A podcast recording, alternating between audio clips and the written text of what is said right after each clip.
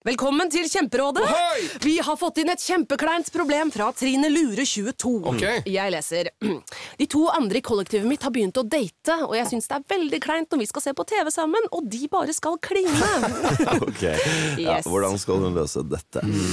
Siden Trine Lure er under 30, får hun jo ubegrenset data fra Telenor fra 399 kroner. Da Da kan hun sette seg på sitt eget rom, streame så mye hun vil på mobilen. Ja, hun kan jo se på nye mobilabonnement på telenor.no. Ja, det er lurt. Jeg har fått en melding eh, til Foreldrerådet på Facebook fra en mamma som gjerne vil at eh, vi skal lage en episode om ADHD. Når jeg eh, hører om ADHD, i utgangspunktet så er jeg full av fordommer, merker jeg. Og med en gang jeg merker at jeg er full av fordommer, tenker jeg da er det jævlig viktig å lage en episode om det. Velkommen til Foreldrerådet, folkens.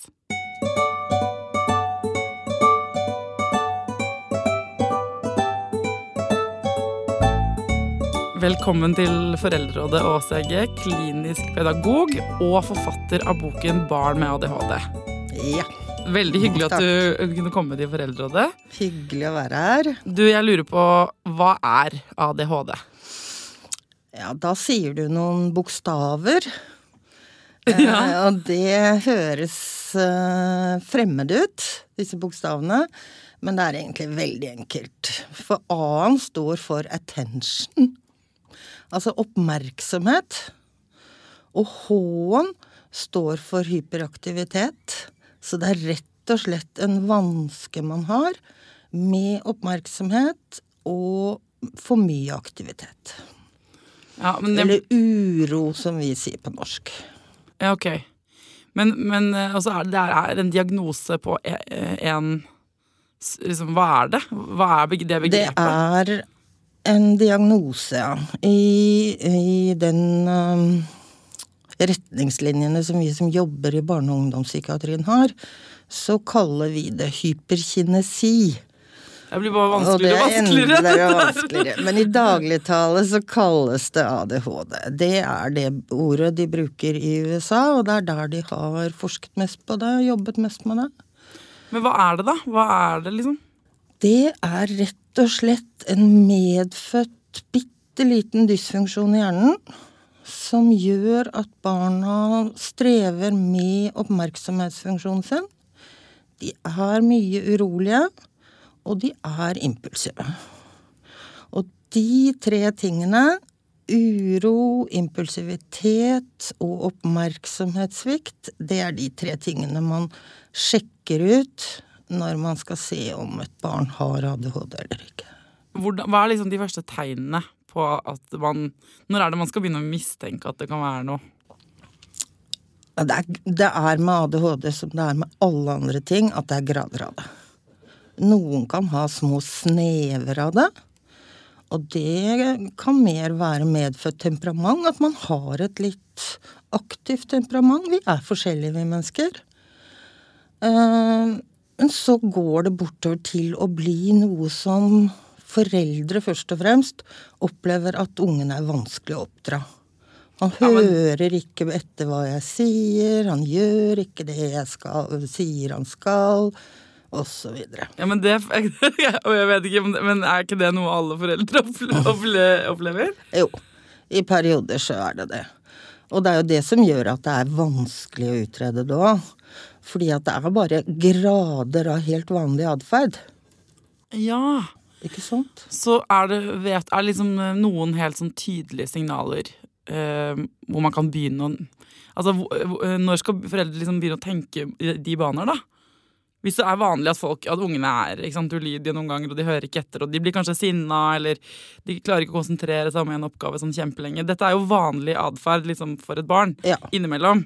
Men når er det det mm, bikker over til å kanskje være en diagnose? Ja, hvis vi ser på små barn, da. Altså, du finner ikke dette her på noen god måte før de er en i hvert fall fire år, tenker jeg. Okay. Da må du ha veldig sånne gode briller på deg og kjenne barnet godt. Eh, Fordi det er ganske vanlig for toåringer og treåringer og fireåringer å være litt uoppmerksomme og være litt urolige. Særlig når de ikke syns det er noe morsomt. Når de kjeder seg, så blir de urolige i kroppen og har maur i rumpa, som vi sier oss, ikke sant? Og de er impulsive. Plutselig så ser de noe, og så ser du bare hvitt baksida av tøffelen, og så er de på noe annet enn det du vil de skal være. Ja. Ikke sant?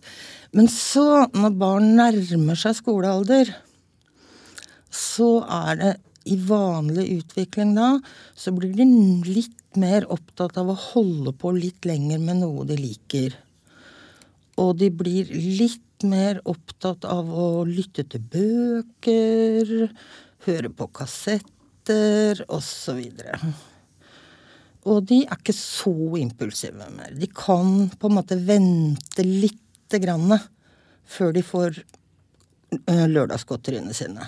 De må ikke ha det med én gang. Ikke sant? En treåring må ha det med én gang, ellers så tror de ikke de får det. En femåring vet at jeg må vente til barne-TV begynner. Ok. Det er på en måte en sånn vanlig utvikling. Men så er det noen barn som strever like mye som om de skulle vært tre år. Når de er fem og seks. ja, så de er like utålmodige. Ja. De er like utålmodige. Og de sliter så innmari med å greie å holde oppmerksomheten sin på noe som de ikke syns er veldig morsomt. Og overgang til skole, så ser jo lærerne det veldig mye. Um, dessverre, syns jeg, da, så er det sånn at i barnehager så får vi få henvisninger fra barnehager. Eh, sikkert fordi at barnehager er flinke til å tilrettelegge for det enkelte barnet. De ser det enkelte barnet, og det er ofte flere aldersgrupper i samme barnehagegruppe. Sånn at femåringen som er urolig, han kan leke med treåringen og ha det kjempegøy. Ja. Men om du får alle seksåringene i samme klasserom, så ser du at det er noen som strever mer enn andre. En som heter Gilberg, en svenske, han sier det på en fin måte, syns jeg. For han sier det er i gjennomsnitt ett barn i varje klas, sier han. Det har du på en måte litt om omfanget, da. Det er mange. Det er mange, ja. Det er mange, men det er veldig mange vi ikke greier å finne. Hva, altså hvis man, eh, la oss si at det er noen som sitter og kjenner seg igjen i dette her. da. Enten med barnehagebarnet sitt eller med skolebarnet sitt. Uansett om det er fem eller åtte. eller, ikke sant? Hvor, man kan ikke noe si hvor gammelt det er. Hva skal man gjøre da? Det første jeg hadde gjort da, var å be om en samtale med læreren, kontaktlæreren eller førskolelæreren som som er ansvarlig i barnehagen.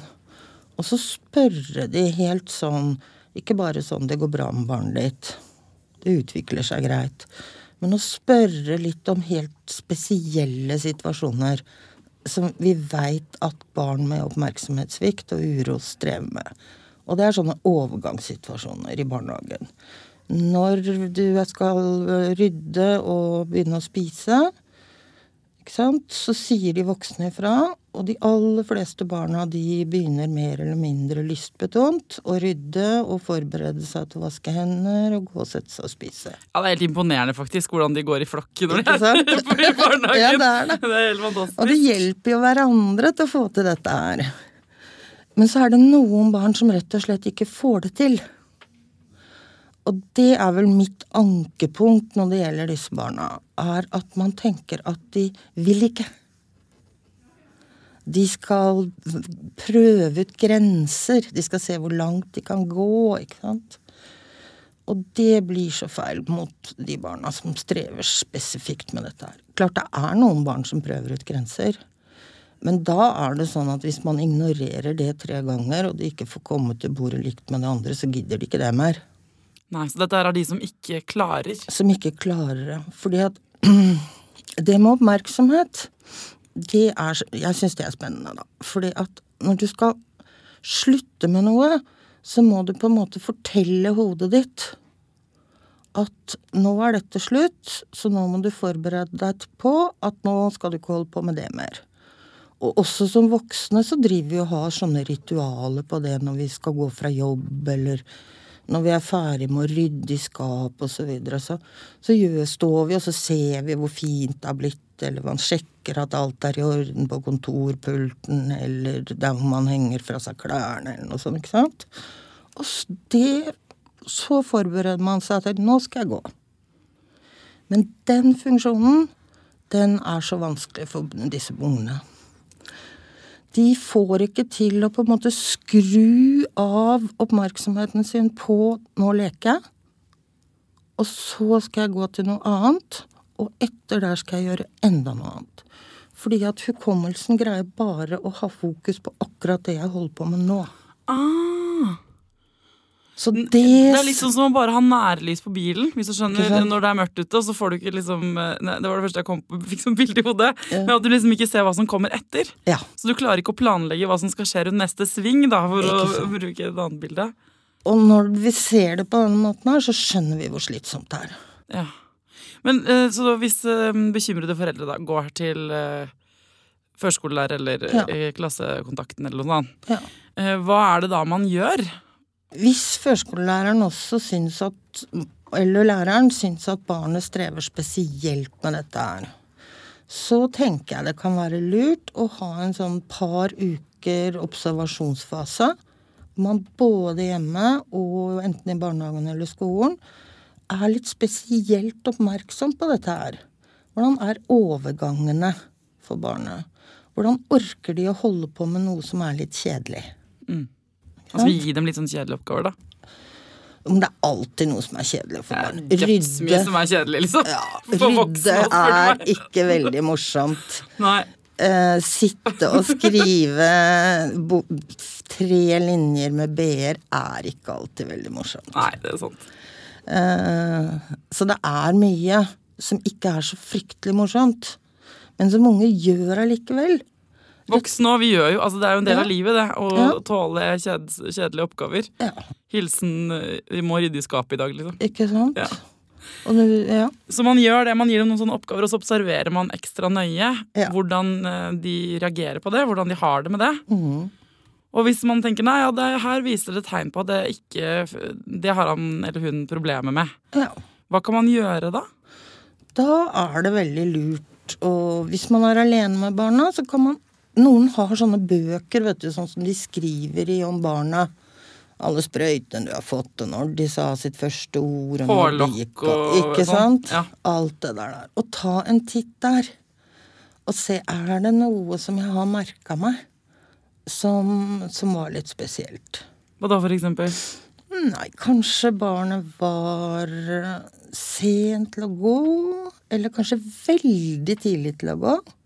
Her, her gjelder det både for mye og for lite. Kanskje det var litt sen med språket sitt. Kanskje det var sånn at det var veldig vanskelig å roe han Når han var baby? når han var baby. ja.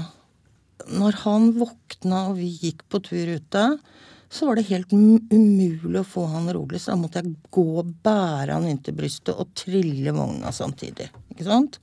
Da snakker vi om et barn som er vanskelig å roe. Mm. Og det har mange av disse ungene vært. Ikke alle, men mange. Så man legger egentlig sammen mange små hint Ja. i denne fasen. ikke sant? Både hvordan det oppleves nå, man ser på hvordan det har vært tidligere. Og- så må det vel noen leger inn, eller Så går man her? til fastlegen sin. Ja. Og så ber man om å få en vurdering på barne- og ungdomspsykiatrien. Og så tror jeg, altså Når jeg hører ADHD, og det er sikkert fordi at jeg er dum og uviten, eller bare sånn vanlig, da, så tenker jeg jo, så kommer det mange ting opp. Det er, ja, det er urolighet, det er liksom, eh, som du har sagt, men også en sånn fordom. For jeg har hørt at folk sier sånn Det er det vi kalte bråkete unger i gamle dager. Den dukker ganske fort opp hos meg. Um, og jeg tror ikke helt på det, altså. Men hva ligger i det? Er det sant, for det første? At man før man fant ut at det var ADHD, kanskje bare har kalt unger for bråkete? Ja, det kan veldig godt hende. Fordi at man vet at ADHD finnes i alle kulturer, i alle verdensdeler. Du sa innledningsvis at det er sånn forskjellige personligheter, at vi alle har jo det, ikke sant? Og noen er mer utålmodige enn andre, videre.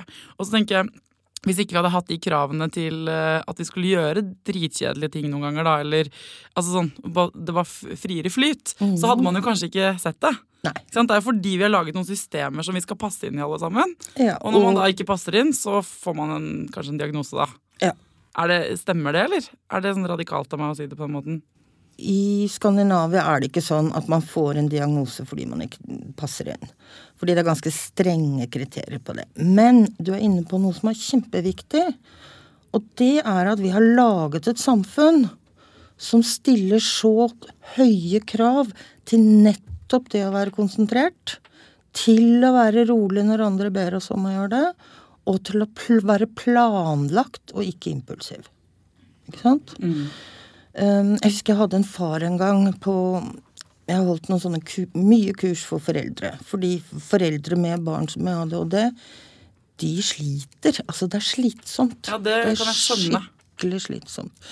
Og jeg husker en far som var Han kom fra Østerrike. Han har vokst opp på en liten gård oppe i fjellene i Østerrike. Hvor alle ungene løp ut i en stor flokk.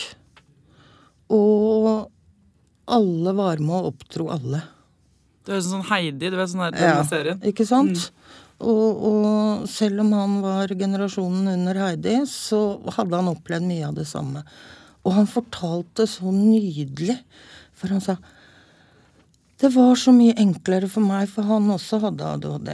Men ble, han kjente seg igjen når han fikk en sønn som var til utredning om det. Da kunne han si åh, ja, men sånn har jeg hatt òg. Alltid. Men han sa at der kunne vi løpe. Vi ble slitne i kroppen. Vi fikk ut all uroen. Og når vi gjorde noe som var gærent, så var det noen som tok oss i nakkeskinnet, som han sa, eller kauka til oss lang vei fra, og rett og slett regulerte oss. Og det var så lite av sånne krav på ja, oppmerksomhetsfunksjoner. Fordi at disse ungene er jo ikke det at de ikke har oppmerksomhet. De har rågod oppmerksomhet på det de er interessert i. Um, og det tenker jeg det er en av de tingene som jeg syns er viktig når jeg snakker om barn med ADHD. Det er ikke bare at det er uh, mange ulemper ved å ha det, men det er også noen sterke sider. Hva er de, da? De sterke sidene er at når de blir motivert for å holde på med noe, så kan de holde på tre ganger så lenge som oss. Fordi at vi blir slitne. Og de har en helt utrolig evne til å holde på. Eh, De har det at de kan være veldig kreative. Det kommer opp pang! Der kom det en idé. Oi! Og hvis man er da sammen med noen som kan ta litt vare på den ideen og lede an, så blir det veldig, veldig bra. Og de er ofte i veldig godt humør, mange De har sånn de. ekstra gir. De har et ekstra gir.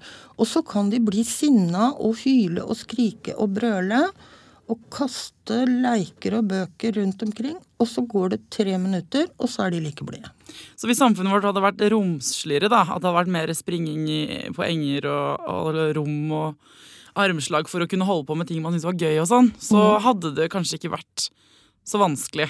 Men, er, eh, men nå er jo ikke vårt samfunn Altså, vi kan sitte her og ønske oss bort.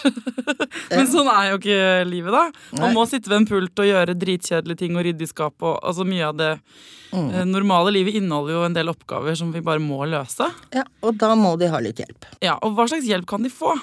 For det første så tenk Det er to hovedpersoner her. Og det ene er foreldre, og det andre er lærere. Eller førskolelærere. Okay. Hvis begge de får til å samarbeide godt, og får til å gi gode utviklingsmuligheter, så går det veldig bra.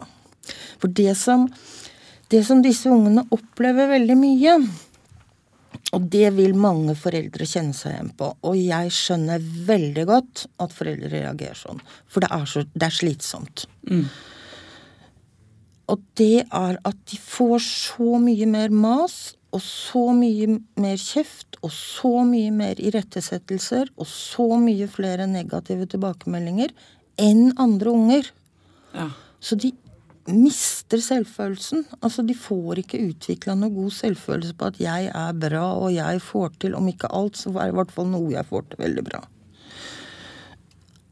Og så tenker jeg at når de blir 22 år, så er det den ødelagte selvfølelsen som preger de mer resten av livet enn det at de ikke har fått med seg alle skolefagene og så videre og så videre. Så kombinasjonen av de to altså, eh, blir eh, Den verre enn den hadde trengt eh, å være, da. Den blir veldig dårlig. Men det er veldig mye man kan gjøre, og jeg tenker på alle de ungene jeg har sett som har fått forståelse. Først og fremst forståelse. Og jeg tror at man som foreldre man gjør andre ting når man skjønner at ungene faktisk gjør så godt de kan. Ja, det tenker jeg Erkjennelsen og kunnskapen om det er det første. Ja. Dette er ikke din feil. Dette Ikke er ikke sant, Akkurat som hvis du hadde vært lam, så hadde du ikke kunnet gå i trapper og hadde ikke blitt sur på deg for det. Ikke sant? det men jeg skjønner at det er veldig vanskelig. Det er kjempevanskelig, fordi at disse ungene kan være noe skikkelig utfordrende små raps, ikke sant? jo, men de Men det er kan det. deilig at du sier det som det er, for det tror jeg. Ja. Og, um, og for å være ærlig, så kan man jo se det litt selv. Eller jeg kan, eh, uten at jeg vet noe av det du vet, så ser man det jo i en klasse eller i en gruppe eller i en barnebursdag at det er noen som ikke klarer å ta imot beskjeder, som ikke gidder å høre på deg. Og du, det er vanskelig for meg som um, da ikke er vant med det, ikke vet noen ting om det barnet. Er det bare sånn at du ikke hører på meg nå? Eh, Eller er det noe annet bak? Mm. Jeg lurer også på En ting er hva foreldrene og lærerne kan gjøre, men hva kan vi andre? Hva er det vi som ikke har barn med ADHD, nødvendigvis, men som er eh, i vanlige ikke sant, eh, sosiale sammenhenger, da? Hva er det vi skal liksom være litt obs på? Og hva kan vi gjøre helt konkret? Jeg tenker at alle kan gjøre. Altså, det trengs en hel landsby for å oppdra um, barn som strever sånn. Hvis vi skal være den sveitsiske landsbyen, Ja. hva skal vi gjøre da? Nei, da tenker jeg at da skal man ta tak i det. Ikke nødvendigvis med å kjefte og hylle, men man kan eksempel se at man sitter i en samling med mange barn, og så er det dette ene barnet som ikke greier å sitte stille. Som kaster noe på naboen, som drar en annen i håret, og så blir stadig rot rundt det der. der. Det er ikke fordi at det barnet vil være ekkel, men det er fordi at det barnet orker ikke sitte der mer. Ja, men vet man det? Det er jo ikke alltid man vet det. Min intuitive er sånn ikke slå noen. Ferdig snakka. Ikke sant? Og det blir veldig feil. Fordi at det man gjør da, da går man bort til det barnet og så sier 'Vet du hva jeg har for noe her borte, eller? Har du, har du lyst til å se nedi veska mi? Der har jeg noe som er kjempespennende. Og så får man håpe Digresjon! ja, Så får man håpe at man har en pastilleske med søte drops eller et, Et eller annet gøy. Et eller annet spennende, ja. Eller noe som er bortpå veggen, eller et eller annet. Og så ta med barnet bort, og så hjelpe det til å fokusere på noe annet, og komme i samtale med det. Et barn som har sittet der for å ødelegge, det vil tilbake for å fortsette å ødelegge. Et barn som har oppmerksomhetssvikt, det er bare sjeleglad for å komme vekk fra den situasjonen som var for vanskelig. Det er et veldig tydelig skille. Det er nesten et triks. Ikke sant? Og mange av disse ungene er så godt oppdratte, vet du, så de sitter der, selv om de egentlig ikke orker. Ja, så De klarer å skjule det. De skjuler det, ja. Men jeg føler vi må inn på det med medisinering òg. For at, eh, det, får man ikke Ritalin, eller hva heter det? det man får? Ja, det er det som man ofte tenker på som medisiner. Nå er det en hel haug. Okay. Kommet mange, men det er jo noen sånne Ritalin-preparater, da. Um, jeg, er, jeg er ikke lege, men undersøkelser viser jo det at det som hjelper aller best på oppmerksomheten, konsentrasjonen, det er medisiner. Ok. Eh, Men så er det noen foreldre som ikke vil ha det, som syns det blir feil. Jeg er redd det kan påvirke utvikling osv. Det er ikke veldig mange undersøkelser som er sånne langtidsundersøkelser, sånn at barna har kanskje brukt det fra det var 7 til 16 år, og så sjekker man det når det er 46, og så ser man har det, har det fått noen negative virkninger. Jeg skjønner jo at folk er veldig redde eh, for å gi medisiner til barnet sitt som liksom endrer personligheten.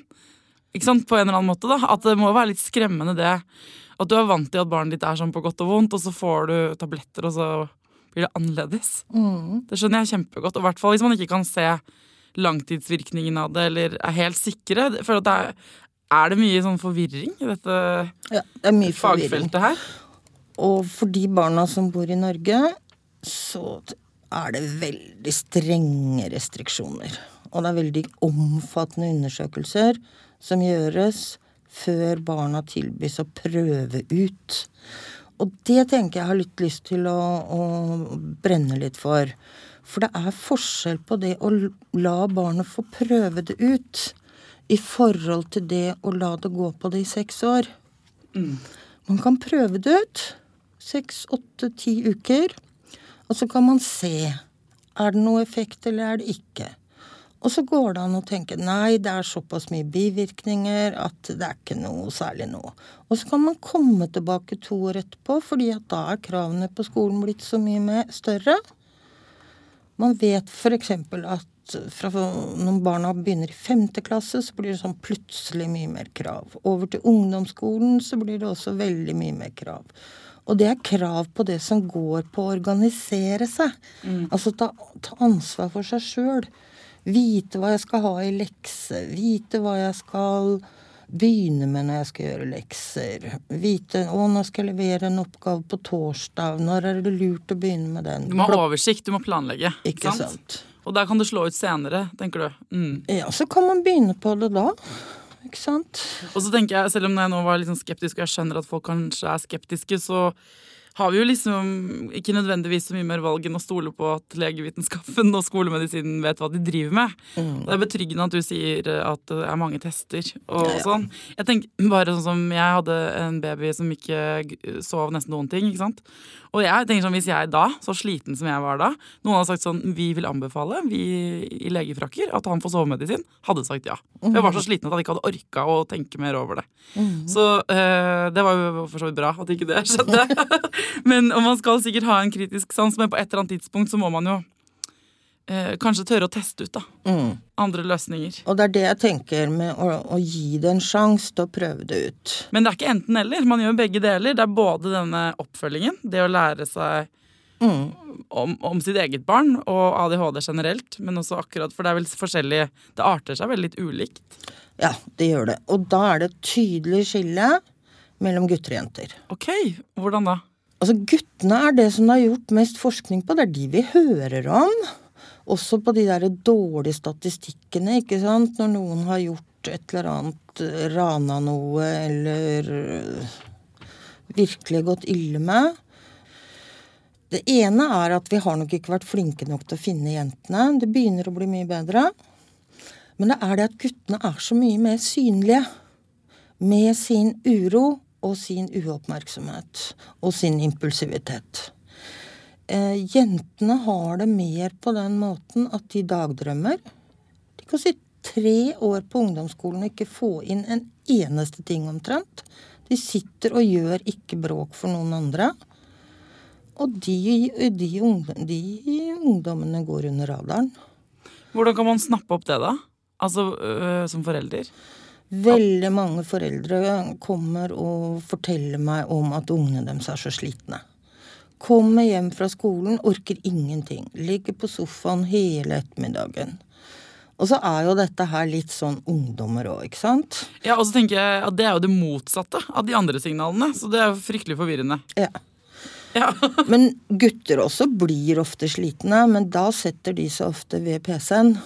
Ja. og spiller spill eller holder på med et eller annet der. Ehm, mens jenter ofte bare legger seg på sofaen og med teppe over seg. Noen ser på sånne serier om og om og om igjen, men egentlig ikke ser på heller. Det bare surrer og går. Og det er ikke så veldig rart, fordi at hvis du skal gjøre et forsøk på å få med deg en sånn ting som å ta opp de riktige bøkene, bla opp på de riktige sidene, prøve innimellom å hekte deg på der hvor læreren er, så er det så slitsomt at du bruker mye mer krefter enn de som ikke har disse vanskene. Altså det er som om de av oss som har vært oppe til eksamen og les tre døgn før fordi at du ikke har lest nok tidligere. Du niløser de siste tre døgnene. Jeg er sånn person. Ikke sant? Skippertaksperson. Ja, mange av oss er det. Og så kommer du til eksamen, og du har virkelig evnen til å gi absolutt alt du har.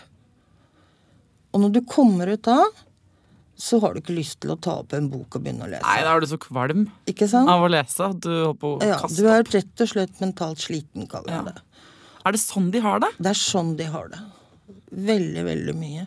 Og det er det gjort mye spennende undersøkelser på, hvor de tar bilder av hvilke områder i hjernen som barn med ADHD bruker for å løse et problem, og hva barn uten ADHD bruker. De bruker mye større av overflaten i hjernen til å løse de samme problemene. Og det har ikke noe med IQ å gjøre.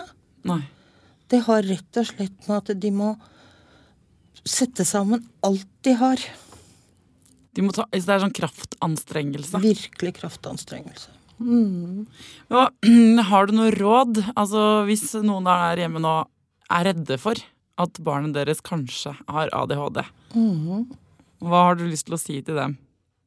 Jeg har lyst til å si at prøv å se om det kan være det før de kommer i ungdomsskolen. Så sjekk det ut tidlig. Ja. Sjekk det ut tidlig. Um, Jeg tror mange kan føle på en sånn fallitterklæring. Ja. Altså, skjønner du at det er litt sånn skamfullt? mm.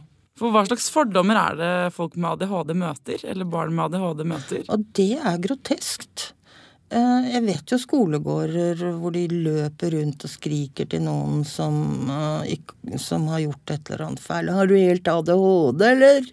Ja, Det har blitt sånn skjellsord. Det har blitt et skjellsord. Og jeg har jo jeg har mange kollegaer som har barn med ADHD, og det har vært skikkelig utfordring for dem. Å orke å ta den samme veien som alle andre foreldre må. Um, Ja, men dette programmet her så snakker vi ofte om ting som er vanskelig. Og så er liksom moralen litt at vi må bare skravle det i hjel. Vi, må bare- vi må bare snakke mer om ting. Så må vi lære oss hva det egentlig handler om. Og så må for, Hvis ikke vi gjør det, så blir vi, aldri, blir vi aldri bedre på noen ting. nei, ikke sant. Så det der å tørre å ta kontakt tidlig, for da kan man få orden på det tidlig og få hjelp tidlig. Og så få hjelp. Og veldig gjerne ta kontakt med ADHD Norge. Og, og mm, meld dere inn i foreningen. Snakk med andre foreldre som har barn som strever med det samme. Det er én i hver klasse i snitt. Da er det mange på den skolen barnet ditt går på. veldig mange. Og det er utrolig viktig å snakke med noen. Fordi at da opplever jeg at det er ikke bare meg som ikke får til. Det er ikke bare jeg som blir så sinna at jeg går ut av mitt gode skinn. Det er ikke bare meg som holder på å grine når jeg har gitt beskjeden 295 ganger. Nei, Det burde jo behandles på samme måte som hvis noen har nøtteallergi. Altså, det er noe bare noen ikke tåler så godt som andre. Det, er ikke, det handler ikke om den personen. Det handler ikke om den lille sjelen i det lille barnet. Og det er jo det med barn med ADHD også, at de er ikke så gode til det som vi kaller å gratifisere foreldre. Altså Tenk på vanlige unger. De kan komme og krabbe på fang, og så legger de armene rundt halsen din og sier ja, og glå i deg, ja, mamma.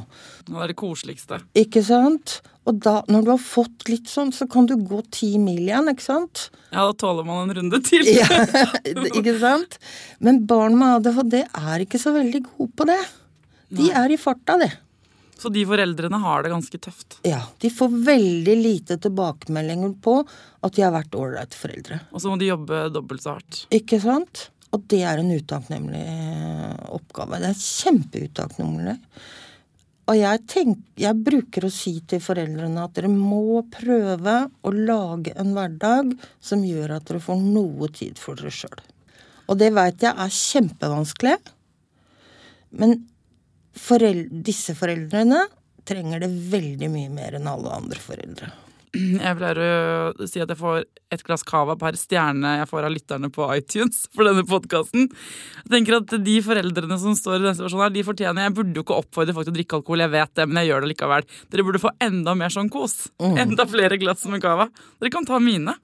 en nabo, en bestemor, en bestefar Å vite at man kan Bare det å vite at man åh, i dag klokka fem, da kan jeg få en time og gå meg en tur, eller gå til en venninne.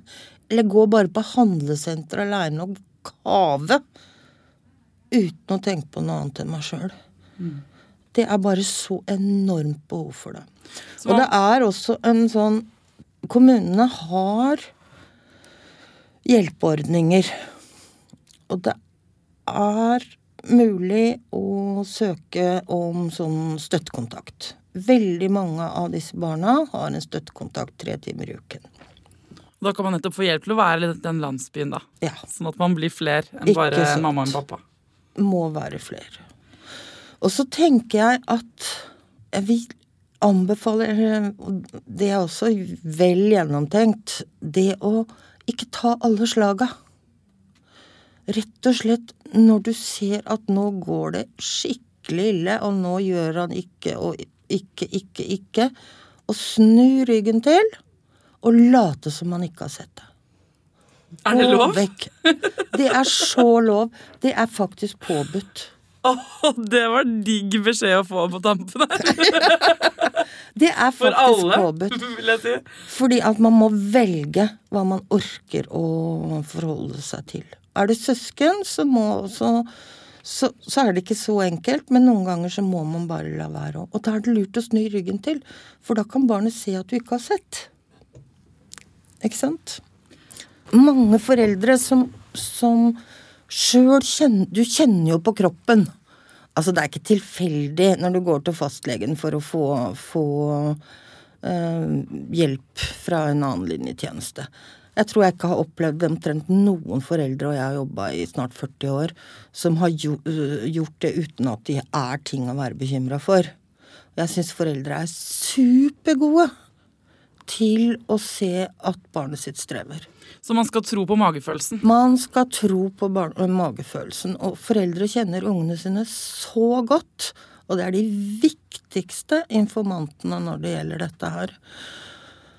Og så, men så er det mange foreldre som sier meg, sier meg at særlig besteforeldre henger igjen i dette her med at nei da, sånn var du når du var liten, og nei, det vokser da av seg, og det går over, og nei da. Og bare skal bare se det når han er hos meg, han konsentrerer seg hele tiden.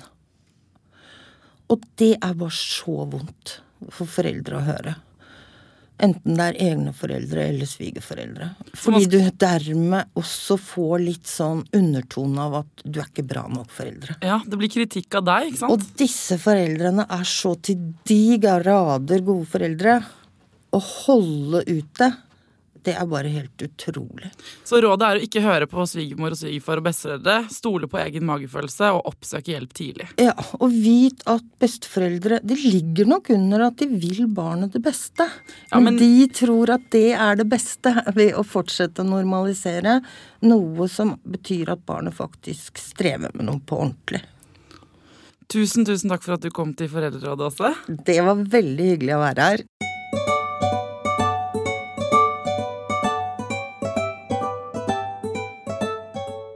Det som er deilig med den gjengen vi er da, i Foreldrerådet, det er at vi deler ting vi får til, og ganske mange ting vi ikke får til. For det er jo sånn når man har barn at man prøver så godt man kan og definitivt ikke alltid lykkes. Noen ganger, eh, med beste intensjon, så tar vi rett og slett for hardt i. Nå skal du få høre Katrine fortelle en historie om det.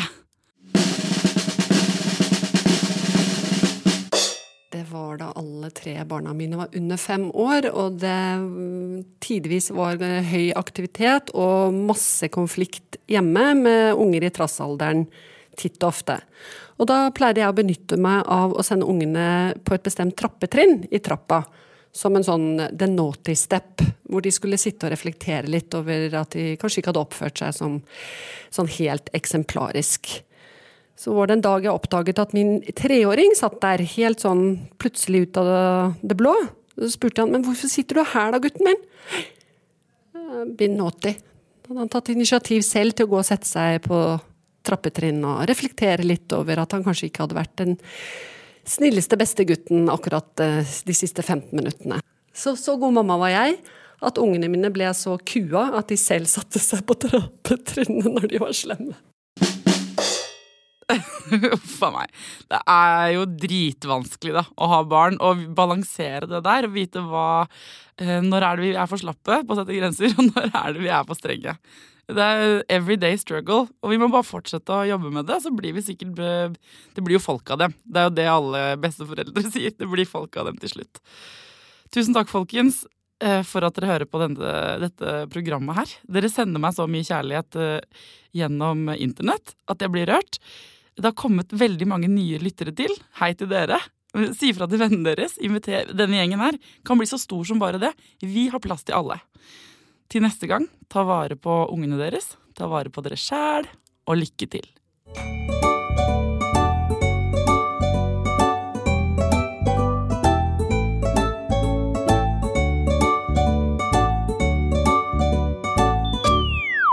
Produsert av Rubicon Radio.